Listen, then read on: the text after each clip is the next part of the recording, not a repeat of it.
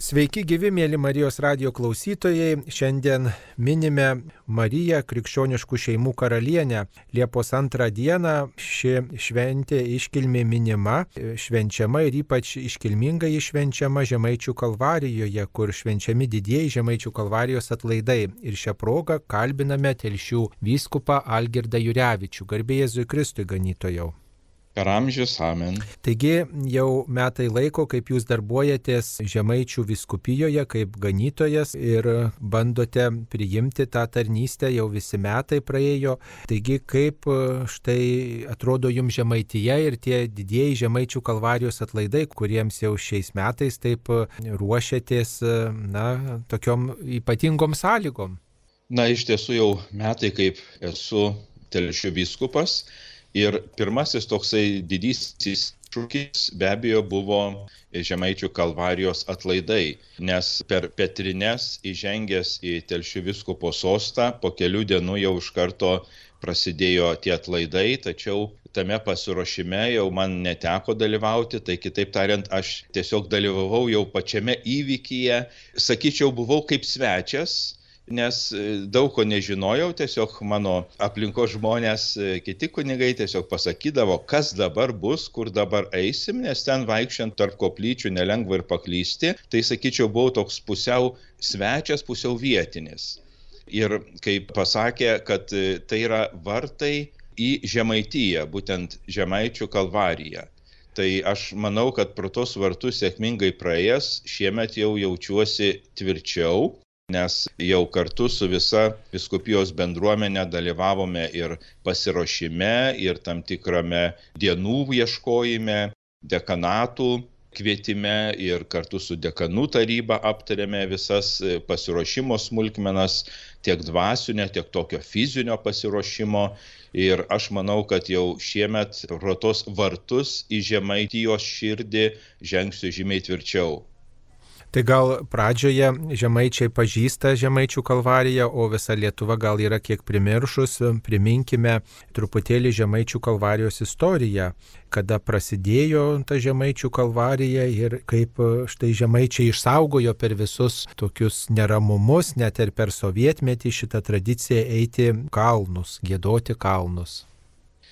Žemaičių kalvarijos istorija prasidėjo su vyskupu Jurgiu Tiškevičiumi 17 amžiuje, nes vyskupas pakvietė domininkonus įsikurti garduose. Gardai tai buvo miestelis toje pat vietoje, kur šiandien yra Žemaičių kalvarija. Ir ten atvyko domininkonai ir viskupas buvo toks entuziastas tos Kristaus kančios apmąstymų, kad e, jisai pakvietė domininkonus kurti kalvariją. Taigi jau mes žinome istoriškai, kad 1639 metais viskupas išrūpino iš tuometinio popiežiaus atlaidus šešioms kalvarijų koplyčioms, o manoma, kad po metų jau stovėjo visos koplyčios, kurias mes šiandien jau randame. Taigi mes matome, kad šiemet sukanka 382 metai nuo tų istorinių šaltinių, kai mes galime jau apčiuopti ir aiškiai pasakyti, kad jau tada ten buvo kalvarijos. Ir tas labai įdomu, kad pats vyskupas paskyrė kalvas ir vietas, kur turėjo stovėti koplyčios. Jis netgi skaičiavo žingsnius ir maždaug bandė įsivaizduoti, kaip e, Jeruzalėje Kristus ėjo ir ten buvo toks įsivaizdavimas, kad maždaug panašių atstumų turi būti išdėstytos ir koplyčios. Todėl vienos iš jų yra visai arti viena kitos, kitos yra toliau. Ir pats vyskupas e, kai kur net keliais eidamas atsivežė iš Jeruzalės šventosios žemės ir eidamas barstė. Būtent šitas paprotys, kad čia yra tarsi naujoji Jeruzalė, labai žmonės irgi suaktyvino atvykti ten eiti, nes į šventąją žemę, nu kasgi ten gali sauliaisti nuvykti, nuvažiuoti, tačiau į Žemaičių kalvariją tikrai yra įmanoma nuvažiuoti. Ir tada viskupas sumanė tą miestelį gardus pavadinti Naująją Jeruzalę. Tad tas oficialus pavadinimas tos vietovės vyskupo yra nustatyta Naujoji Jeruzalė. Tačiau tas pavadinimas kažkaip neprigijo, nors žemaičiai ir yra tokie viskupo baimingi, tačiau jie pradėjo tą miestelį vadinti Žemaičių kalvariją. Tai šiandien įsitvirtino tas pavadinimas, kurį užsispyrę žemaičiai patys dar. Bet tai yra iš tiesų labai gražu, kad tas miestelis Gardai tapo pirmiausia naująją Jeruzalę, po to liaudis priėmė kaip žemaičių kalvariją. Tai tokia būtų trumpa istorija ir įvadas. Įdomu, kad mums pažįstamas kryžiaus kelių skaičius kiekvienoje bažnyčioje esantis yra 14 ir visi turbūt visoje Lietuvoje ir netoli už Lietuvos ribų žino tą tradiciją apeiti 14 kryžiaus kelio stočių apmastyti ir tai yra tas pranciškoniškas vadinamas kryžiaus kelias, tačiau Žemaičių kalvarijoje ten e, prie to kryžiaus kelio populiarinimo, prie to pamaldumo prisidėjo domininkonai ir ten kryžiaus kelio stotelių yra daug daugiau. Gal truputėlį apie tai galėtumėt kai ką pasakyti? Na, pranciškonai garsėja savo neturtu, tai jie turi mažiau. Dominikonai matyti yra truputėlį turtingesnė vienolyje, tai turi ir 20 savo tradicijoje dvasingumo kryžiaus kelio stočių, tai mes sekame būtent tą dominikonišką tradiciją, nes ten pirmiausia buvo pakviesti dominikonai ir jie ten turėjo vienuolyną. Tačiau yra žinoma ir daugiau kryžiaus kelio stočių, kaip pavyzdžiui Veprių kalvarijos ar Vilniaus kalvarijos. Tai sakyčiau, nėra tokios vieningos tradicijos. Tikrai kiekvienoje bažnyčioje yra labiau pranciškoniškas variantas kryžiaus kelio apmąstymo paplitęs, tačiau mes turime labai branginti ir tas kalvarijas kaip Vilniaus, Veprių ir žinoma Žemaičių, kurios turi kitą skaičių, didesnį skaičių, nes tai irgi rodo tą tradiciją, kiek skirtinga, galbūt tą norą išsemti neišsemiamą Kristaus kančią, kuo daugiau suprasti Kristaus kančios gelmę ir pasisemti daugiau tų malonių ir stiprybės. Tai sakytume, čia galbūt yra toksai skvarbesnis žvilgsnis į kryžiaus kelią, kai būtent daugiau yra stočių. Tačiau žinoma, tai yra taip istoriškai susidėsti ir tai susiję su tom giliomis tradicijomis. Dar vienas toks dalykas, kad tos kryžiaus kelio stotelės labai skirtingos yra. Vienos tokios vienaip įruoštos, kitos kitaip įruoštos, ypatingai skiriasi, tai prieš pabaigą jau tos kryžiaus kelio stotis skirtingai jos pavaizduotos. Jūs kaip einate, turbūt ėjote ir, ir per metus gal vieną kitą kartą, kai nebuvo atlaidų, kai ir maldininkų buvo mažiau arba visai nebuvo, apžiūrėjote tiesiog ir ganytojo žvilgsniu ir, ir kaip piligrimas, galbūt kuri viena kita kryžiaus kelio stotis taip labiau širdį atveria Dievui Dievui kažkaip jums įstrigo, norėjosi gal ilgiau pabūti ar kažkaip apmastyti, ar paskatino vat, kažkokį pamaldumą jūsų? Iš tiesų didelį įspūdį sudaro pati didžiausia koplyčia, kur yra nukryžiavimo. Nes ten ir sieninė tapyba, ir skulptūra, ir kartu suderinta ir skulptūra, ir sieninė tapyba tai žinoma tiesiog įeini ir tarsi pasijunti, kad stovi Golgotos kalno papėdėje. Tačiau žinoma ir tos tokios kuklios Kristaus suklupimo ar kitos tos stotis, koplytėlės, kur tik tai atrodo keletas kvadratinių metrų viduje yra dydžio, jau ten ne, netliksi kažkokiu pamaldu dideliu visą kitą, bet jos taip pat išreiškia tą tokį paprastumą bet e, ta koplyčia, kur Kristus yra nukryžiuotas, nes tas centrinis įvykis, Kristaus mirtis, kad žmonės nužudo Dievą, tai iš tiesų yra ir didžiausia, ir išpošta, ir įrengta. Taip pat panašiai įrengta yra ir kita koplyčia rotušėje. Nes rotušė taip pat negali kažkoks menkas bus statinys. Taigi ten vidury kapinių yra didžiulis irgi puošnus statinys, mūrinis, nes Kristų, kai nuvedė į rotušę, kur jau ten buvo vietininkas ir pilotas ir, ir visi kiti teisėjai susirinkę, tai irgi pajunti tokią pasaulietinės valdžios didybę, kuri yra truputį ir tuščia, nes teisę ne pagal teisybę, bet pagal minios užgaidas, klausia, ką norit, kad jum atiduotume ir taip toliau, plėšiką ar šitą, kuris save vadina Dievo sūnumi. Taigi irgi pasimato tokia kartais civilinės tos valdžios, tos pasaulio tuštybės valdžia, tokia valdžios demonstravimas, kad mes nuspręsime, ką daryti su tuo Dievu šitos dvi koplyčios tarsi yra nu, Kristaus nukryžiavimo, kur tikrasis karalius kaba ant kryžiaus pasaulio valdovas ir jis valdo nuo kryžiaus, tai yra jo sostas kaip Kristaus karaliaus, o ten yra tų kitų karalių kabutėse sostai. Kryžiaus kelio stotelės neatsiejamos nuo gėdojimų, kurie yra tokie specifiniai ir tikrai pakelia širdį prie Dievo ir padeda išgyventi Kristaus kančią ir apmastyti Kristaus gyvenimo istoriją.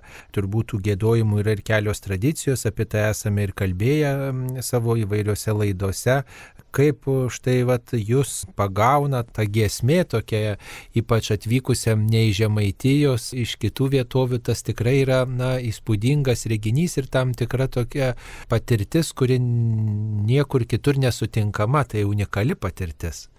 Iš tiesų, kaip kunigė Sauliaus sakai, niekur kitur nesutinkama, tai yra sutinkama tik tai kalvarijose, Tiesa, ne visos kalvarijos pilnai yra Lietuvoje išlaikiusios tas tradicijas, bet Žemaičių kalvarija yra pilnai išlaikiusi. Aš taip manau, kad būtent tie gėdojimai duoda prasme visai piligrimystėj. Komet žmogus keliauja, pavyzdžiui, ar pėsčiomis į šventą vietą, tai jeigu kažkoks ar pamaldesnis žmogus, ar kaip nešasi tam tikrą intenciją, galbūt netgi tam tikrą laimę ar skausmą savo širdyje, į tą piligrimystę, tai jisai pats gali melstis. Bet jeigu žmogus keliauja šiaip pusiau kaip turistas, tai jam ta piligrimystė ne visai tokia dvasiškai vaisinga. O čia tu gali atvykti visai tuščias, be jokių minčių, be jokių iš ankstinių nusistatymų, galbūt netgi neturėdamas jokios intencijos.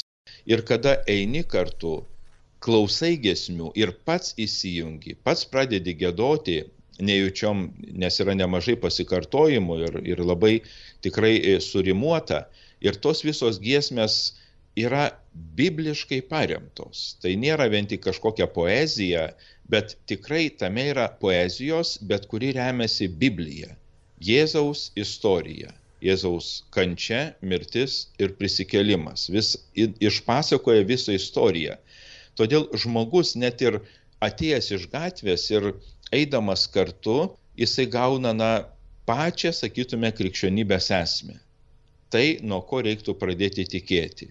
Į Jėzų Kristų, kuris mirė už mūsų nuodėmės, kentėjo ir buvo prikeltas, prisikėlė iš numirusių. Tai sakytume, mes Žemaičių kalvarijoje per tos gėdojimus suteikėme visą krikščionybės esmę, visą turinį.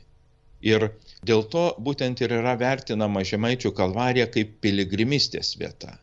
Aišku, žinoma, kitos vietos to neturi arba bando tą turinį kažkaip išartikuliuoti, iškelti, labiau pabrėžti, bet čia būtent per tuos beveik jau ketvirtas šimtmetis jau baigėsi, kad ta tradicija yra labai gyva ir ji yra maitinanti žmogaus dvasę, stiprinanti žmogaus dvasę. Ir taip dažnai būna, kad grįžti iš kalvarijos, taip jauti, kad kojos truputį pavargusios, jau tokį jauti kūno nuovargį, bet kartu supranti, kad širdis džiugauja, širdis atsigavus, kad tai yra didžiulis džiaugsmas, kad aš ėjau kartu su Kristumi ir pajutau visą tą Kristaus kančios prasme.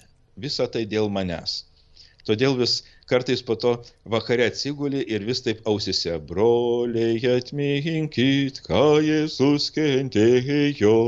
Va būtent ta gesmė, kuri ten kars nuo karto vis pasikartoja, kad neužmirškit, tai yra memorija, tai yra atminimas toks gyvas, kartu su visa bažnyčia tu prisimeni, eini, išgyveni. Tai čia nu, nepakartojamas įspūdis. Atvykite ir tiesiog pamatysite bet jau reikia pasirengus būti pilnai praeiti visą kryžiaus kelią, ne tik tai klausantis tų giesmių, bet ir pačiam gėdoti, tai tada tas pilnas dalyvavimas. Sakykit, kiek ten maždaug kilometrų susidaro nuo bažnyčios apeiti visą kryžiaus kelią. na, skaičiavo, kad tarp 4 ir 5 km. Tačiau noriu nuraminti, kad neįsigastų tie, kurie žada atvykti. Nes niekas neina taip iš karto viso atstumo, nes painami kokie 2-300 metrų, yra koplytėlė, yra sustojimas, žmonės sustoja, kas gali ant žemės atsisėda, kas klausosi, keletą minučių būna skaitomos maldos, primenama prasmėtos koplytėlės ir keliaujama toliau. Nes jeigu iš vien reikėtų 5 km nueiti, tai tuomet, žinoma, gal kai kam būtų ir iššūkis. Tačiau tai yra su 20 pauzių yra tame. Yra tikrai fiziškai įmanoma. Matosi, kad net ir vyresnio amžiaus žmonių tikrai noriai eina kryžiaus kelią kartu. Kai kuriuose koplytėlėse yra sakomi pamokslai, taigi tos atsipūtimo atokvėpio valandėlės būna dar ilgesnės. Yra keletas kryžiaus kelio stočių, koplytėlių, kur yra prašomi tie, kurie pirmą kartą eina, jie atsigula kryžiumi. Ir tai irgi yra nuostabus reginys, kada žmonės ant pievelės atsigula ir meldžiasi atsigulę kryžium daugeliui tai yra pirmoji tokia patirtis melstis taip, kaip Kristus meldėsi, nes Kristus irgi kniupščias ant žemės parpuolės meldėsi, taigi atsigulti ant žemės ir melstis kryžimi taip pat yra viena iš maldos formų. Ir žmonės, būtent žemaičių kalvarijoje, daugelis pirmą kartą išgyvena va, būtent tokią maldos būdą, maldos formą dar be kryžiaus kelio stotelių, be tų tokių specifinių gėdojimų, kurie labai širdį pagauna per didžiuosius žemaičių kalvarijos atlaidus, kasdien ne tik tai yra gėdama, bet ir groja dūdos, toks žemaitiškas paprotys, gal Lietuvoje, kitose vietose pažįstamas iš kitų tokių tradicijų. Pavyzdžiui, seniau dūdoriai būdavo per laidutuvės dalyvaudavo. Kaip jums tas paprotys, jūs irgi grojate muzikos instrumentai? Instrumentais, tai jums turėtų būti labai artimas. Na, kadangi esu baigęs irgi konservatorijoje pučiamųjų skyrių, tai kai pradeda grodūdos, tai širdis dar labiau atsiveria.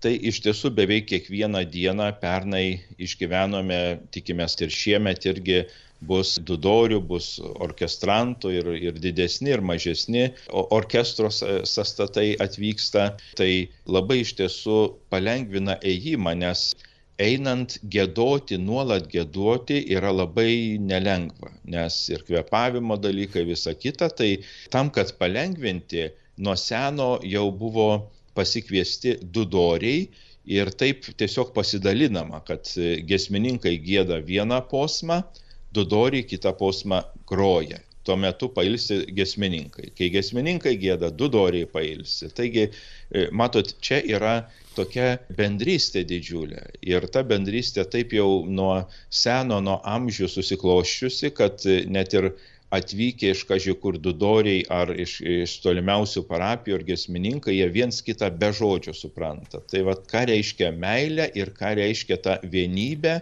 keliaujant, sekant Kristų jo kryžiaus kelyje. Man kiekvieną kartą didžiulį įspūdį padaro tie žmonės, kurie prie bažnyčios muša būgnus ir tokiu būdu palydi tuos išeinančius į kryžiaus kelią. Tai tokia truputėlį išeina ir garsų, tokia įvairovė ir, ir tiesiog stebina, ta, reiškia, ta nuotaika ir kažką tokio žadina, tokia minti, kad čia vyksta kažkas tokio didingo ir neįlinio. Tos merginos prie bažnyčios muša būgnus ir kažkaip kokia to prasme yra Ar tai kvietimas, ar tai žinia, ar tai paskatinimas e, tai maldai? Iš vienos pusės mes žinome, kad kai Kristus mirė ant kryžiaus, sudrebėjo žemė. Tai būtent pradedant eiti kryžiaus kelią yra ta žemė taip pat sudrebinama. Ir kartu pakvietimas, kad tai yra kažkas tokio įspūdingo tai sakytume yra tas e, nuo seno teologinis toks paaiškinimas sudrebinti, supurtyti žmogų, kad jis atsikvošėtų ir atkreiptų dėmesį į Kristų, kuris tiek daug dėl žmonijos kentėjo. Bet yra ir kitas toks liaudiškas paaiškinimas, kodėl būtent e, prieš einant ir į mišes, e, išeinant į mišes, taip pat būgnai inirtingai drebina žemę, tai sakoma, kad norima nuvaikyti meškas. Anksčiau meškų būdavo labai daug ir būtent tokiais garsais, kad netrukdytų piligrimams melstis meškos, meškas nubaidydavo. Ir iš tiesų šita sistema veikia, nes nemačiau bažnyčioje nei vienos meškos. Taigi būgnai tikrai veikia. Bet dabar žemaitijoje turbūt būtų sunku rasti mešką, na bent meška piligrimė iš kitų šalių užsuktų. Būna ir taip, bet tikrai ta tradicija išliko herbe likus tik tai meška žemaitijos gerbe. Ir beje, viskupijos gerbe, viskupo gerbe taip pat yra meško simbolis, taip? Mano anspaude, kaip telšių viskupo, yra du žvėris, tai būtent meška ir, ir briedis, nes telšių viskupijoje apima du tokius regionus, tai vadinama mažąją Lietuvą ir jos simbolis yra būtent briedis ir Žemaitija, kurios simbolis yra meška. Mano anspaudę puikuojasi šie du mėly žvėreliai. Šiais metais yra šeimų metai minimi, Švento Juozapo metai minimi taip pat ir Žemaičių kalvarijoje yra švenčiausios mergelės Marijos su kūdikiu paveikslas, kuris 2006 metais spalio 8 dieną yra vainikuotas popiežiaus Benedikto XVI palaimintomis karūnomis. Taigi tas paveikslas, Marijos paveikslas gerbiamas kaip šeimų karalienės paveikslas ir ten ypatingai meldžiamės už šeimas, prašome mergelės Marijos globos šeimoms ir kad visa šeimas Marija globotų. Turbūt šiais metais kažkaip ypatingiau gal švesite tuos atlaidus, kadangi tai yra šeimos metai, o Žemaičių kalvarijoje pagerbiama kaip tik tai Marija kaip šeimų karalienė. Taip šitas akcentas, kad melžiamasi už šeimas ir mes matome, kad tiek Lietuvoje, tiek Europoje ir pasaulyje labai yra svarbu išlaikyti tos prigimtinės krikščioniškos šeimos sampratą, kad ji nebūtų priešiškų ideologijų visai sunaikinta, išplauta, sakytume, tai tikrai labai svarbu tą dalyką akcentuoti. Tad ir pagrindinė diena, būtent Liepos ketvirtą dieną, sekmadienį, bus melžiamasi už šeimas ir būtent duodama ta pagrindinė diena, kad kur ir daugiau bus dėmesio, ir daugiau žmonių dalyvaus, ir įvairios transliacijos vyks iš Žemaičių kalvarijos tai norima parodyti ne tik tiems, kurie ten atvyksta, bet taip pat ir, sakytume, platesnė auditorijai medijų pagalba, kad na, mes esame už šeimą ir norime, kad ir, ir kiti žmonės pamatytų tą šeimos grožį, krikščioniškos šeimos grožį. Svarbu paskatinti ir jaunimą nebijoti santokos sakramento, nebijoti prisimti įsipareigojimų. Tai visomis šiomis intencijomis melsimės per visus atlaidus, o ypač Liepos ketvirtą dieną sekmadienį, pagrindinę atlaidų dieną. Kiekviena atlaidų diena turi tam tikrą intenciją arba už ką melžiatės, kitaip sakant, tą dieną ir kviečiate turbūt ypatingai tos e, srities žmonės dalyvauti atlaiduose. Gal trumpai pristatykite atlaidų programą, kad žmonės galbūt galėtų nutaikyti dieną pagal e, tą temą ar pagal tos ryties žmonės, kurie tą dieną kviečiami atvykti. Atlaidus pradėsime Liepos pirmosios dienos vakare ir melsimės už katalikiškas organizacijas ir Marijos legiono narius, nes daugelis katalikiškų organizacijų ir Marijos legiono nariai atkeliaus iš Panų kalno piligrimystėje. Jie melsis 19 val. vakare. Liepos antrą dieną, penktadienį, policijos, teisės saugos ir teisėtvarkos diena. Melsimės už visuomenės tvarkai ir saugumui tarnaujančius žmonės. Liepos trečią dieną, šeštadienį, žmonių brolybės diena. Mes žinome, kaip popiežius Pranciškus pabrėžė tą žmonių brolybę. Fratelli tuti jo enciklikoje. Taigi tą dieną melsimės už socialinius darbuotojus, karitas, Maltos ordino, samariečių bendrijos, Raudonojo kryžiaus, senelių namų darbuotojus bei savanorius, bei visų organizacijų, kurie rūpinasi, kad žmonės labiau išgyventų viens kito artumą ir tą brolybę. Liepos ketvirtą dieną, sekmadienį, tai didžioji kalvarija, šeimų diena, melsime su šeimas ir besiruošiančius santokos sakramentui. Ta diena mišioms vadovauja 12 val. jo ekscelencija apaštališkasis nuncijus Lietuvoje daktaras Petar Antun Rajič. Liepos 5 dieną, pirmadienį, katechetų, švietimo bei kultūros darbuotojų diena melsimės už visus mokslo bei kultūros šviesa besidalinančius žmonės. Liepos 6 dieną, antradienį, maldos už Lietuvą ir rūpešio bendraisiais namais diena. Meldžiamės Dievo palaimos tėviniai bei visiems žemdirbiams, ūkininkams ir bitininkams. Liepos 7 dieną, trečiadienį, Lietuvos kariuomenės ir Šaulių sąjungos diena. Meldžiamės už valstybės gynyboje tarnaujančius žmonės. Liepos 8 dieną, ketvirtadienį, kunigų, pašvestojo gyvenimo, diakonų, seminaristų ir patarnautojų diena. Meldžiamės už bažnyčioje tarnaujančius bei naujus dvasinius pašaukimus. Liepos 9 dieną, penktadienį, geradarių ir rėmėjų diena. Meldžiamės už verslininkus ir visus darbo vietas kūrenčius, kad jų pasiekti laimėjimai prisidėtų prie visuomenės gėrio.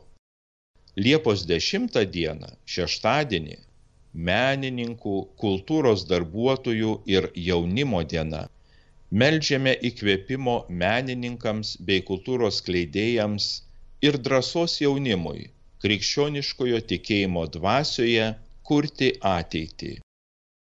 Liepos 11 dieną, sekmadienį, medikų ir ligonių diena. Medikams ir ligoniams taip pat yra skirtas sekmadienis, nes mes žinome, kad šiais pandemijos laikais medikai nepaprastai daug pasiaukojo savo darbu, kad suvaldytų pandemiją. Taip pat melsimės už ligonius, nes šiais metais ypatingai daug žmonių buvo paliesta tiek pandemijos, tiek ir kitų lygų. Melsimės ligonėms sveikatos, o medikams bei medicinos darbuotojams ištvermės, išminties ir meilės. Ir Liepos 12 dieną, pirmadienį, Žemaičių kalvarijos parapijos ir bendruomenių diena. Melsime, kad garsas apie Žemaičių kalvarijos šventovę toli sklistų, o jos piligrimai iš Lietuvos, Žemaitijos ir viso pasaulio patirtų gausių Dievo malonių. Tai tokia yra trumpa apžvalga visos tos didžiosios kalvarijos atlaidų savaitės. Bet geriausia yra pasiklausyti ir atvykti įsitikinti, kaip čia viskas vyksta.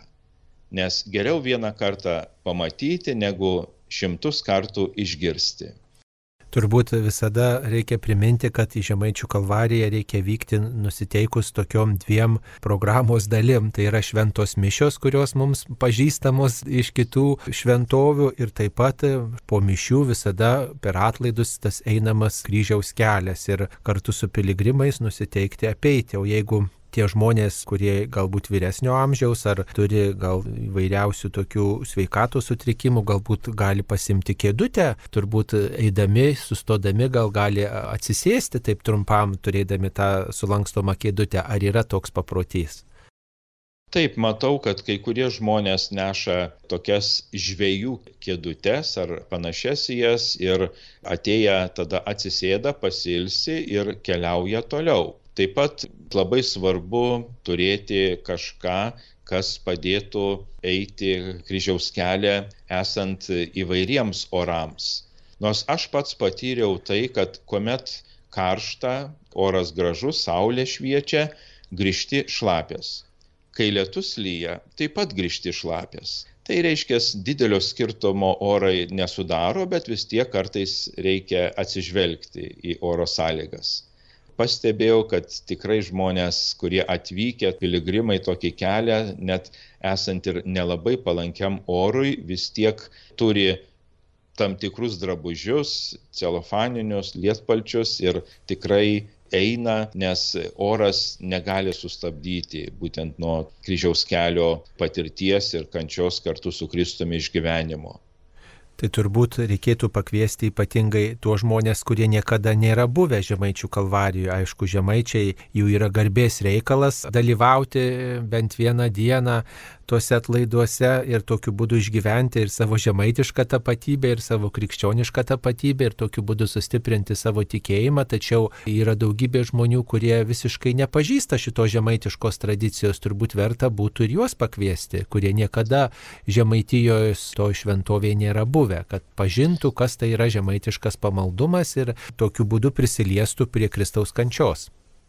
Prieš metus Žemaičių kalvarijos kalnų gėdojimo tradicija buvo įtraukta į Lietuvos nematerialijo kultūros paveldo savadą. Tai reiškia, kad kiekvienas save kultūringų laikantis Lietuvos pilietis turėtų atvykti ir susipažinti su Lietuvos kultūros nematerialiuoju paveldu. Manau, kad tikrai, kaip kungė Sauliau pasakė, kad galėtų žmonės atvykti ir išgyventi taip pat ir kaip kultūrinį reiškinį. Per kultūrą, nes tikėjimas ir kultūra, religija ir kultūra visada ėjo ranka rankon kartu, koja kojon ir aš manau, kad būtent tai gali būti ir įtikėjimo pradžia. Komet dar buvau Kauno arkiviskupijos apaštalinio administratoriumi ir jau pasklido ta žinia, kad skiriamas į telšius, keletas kauniečių man pažįstamų priejo ir sako, nu, mes esam kilę iš Žemaitijos ir kiekvienais metais, nesvarbu, kad gyvename ne Žemaitijoje, kiekvienais metais e, vykstame į Žemaičių kalvariją. Ir sako, jeigu aš nenuvažiuoju tais metais į kalvariją, tai man tų metų tarsi ir nėra jau. Jie kažkokie tokie, na, nelabai pavykę. Sakyčiau, kad tikrai atvykti ir vieną dieną pašvesti šiam dvasingumui ir pasistiprinti ir leisti, kad Dievas veiktų, išgyventi kartu su visa bendruomenė tą didžiulį įvykį, atlaidus pelnyti ir apmastyti kartu su visais Kristaus kryžiaus kelią, jo kančią, tai yra na, nepaprastai skaistinantis, valantis ir stiprinantis dalykas. Ir ypač šiais šeimos metais tą tinka padaryti, nes Žemaičių kalvarijoje mergelė Marija gerbiama kaip šeimų karalienė. Taigi tada ypatingai mes galim melstis už šeimas ir pagerbti Mariją, kuri ten jau yra vainikuota popiežiaus palaiminta karūna, jau gerbiama nuo 17 amžiaus. Mėly Marijos radio klausytojai, tikrai kviečiame visus dalyvauti Žemaičių kalvarijos atlaiduose, kurie trunka 12 dienų pagal seną tradiciją. Ir šioje laidoje apie tai kalbinome telšių vyskupą Algirdą Jurevičių. Ačiū ganytojau, būkite sveikas ir linkime tikrai gražiai švesti šiuos atlaidus. Ačiū, iki susimatymo Žemaičių kalvarijoje. Ačiū sudė.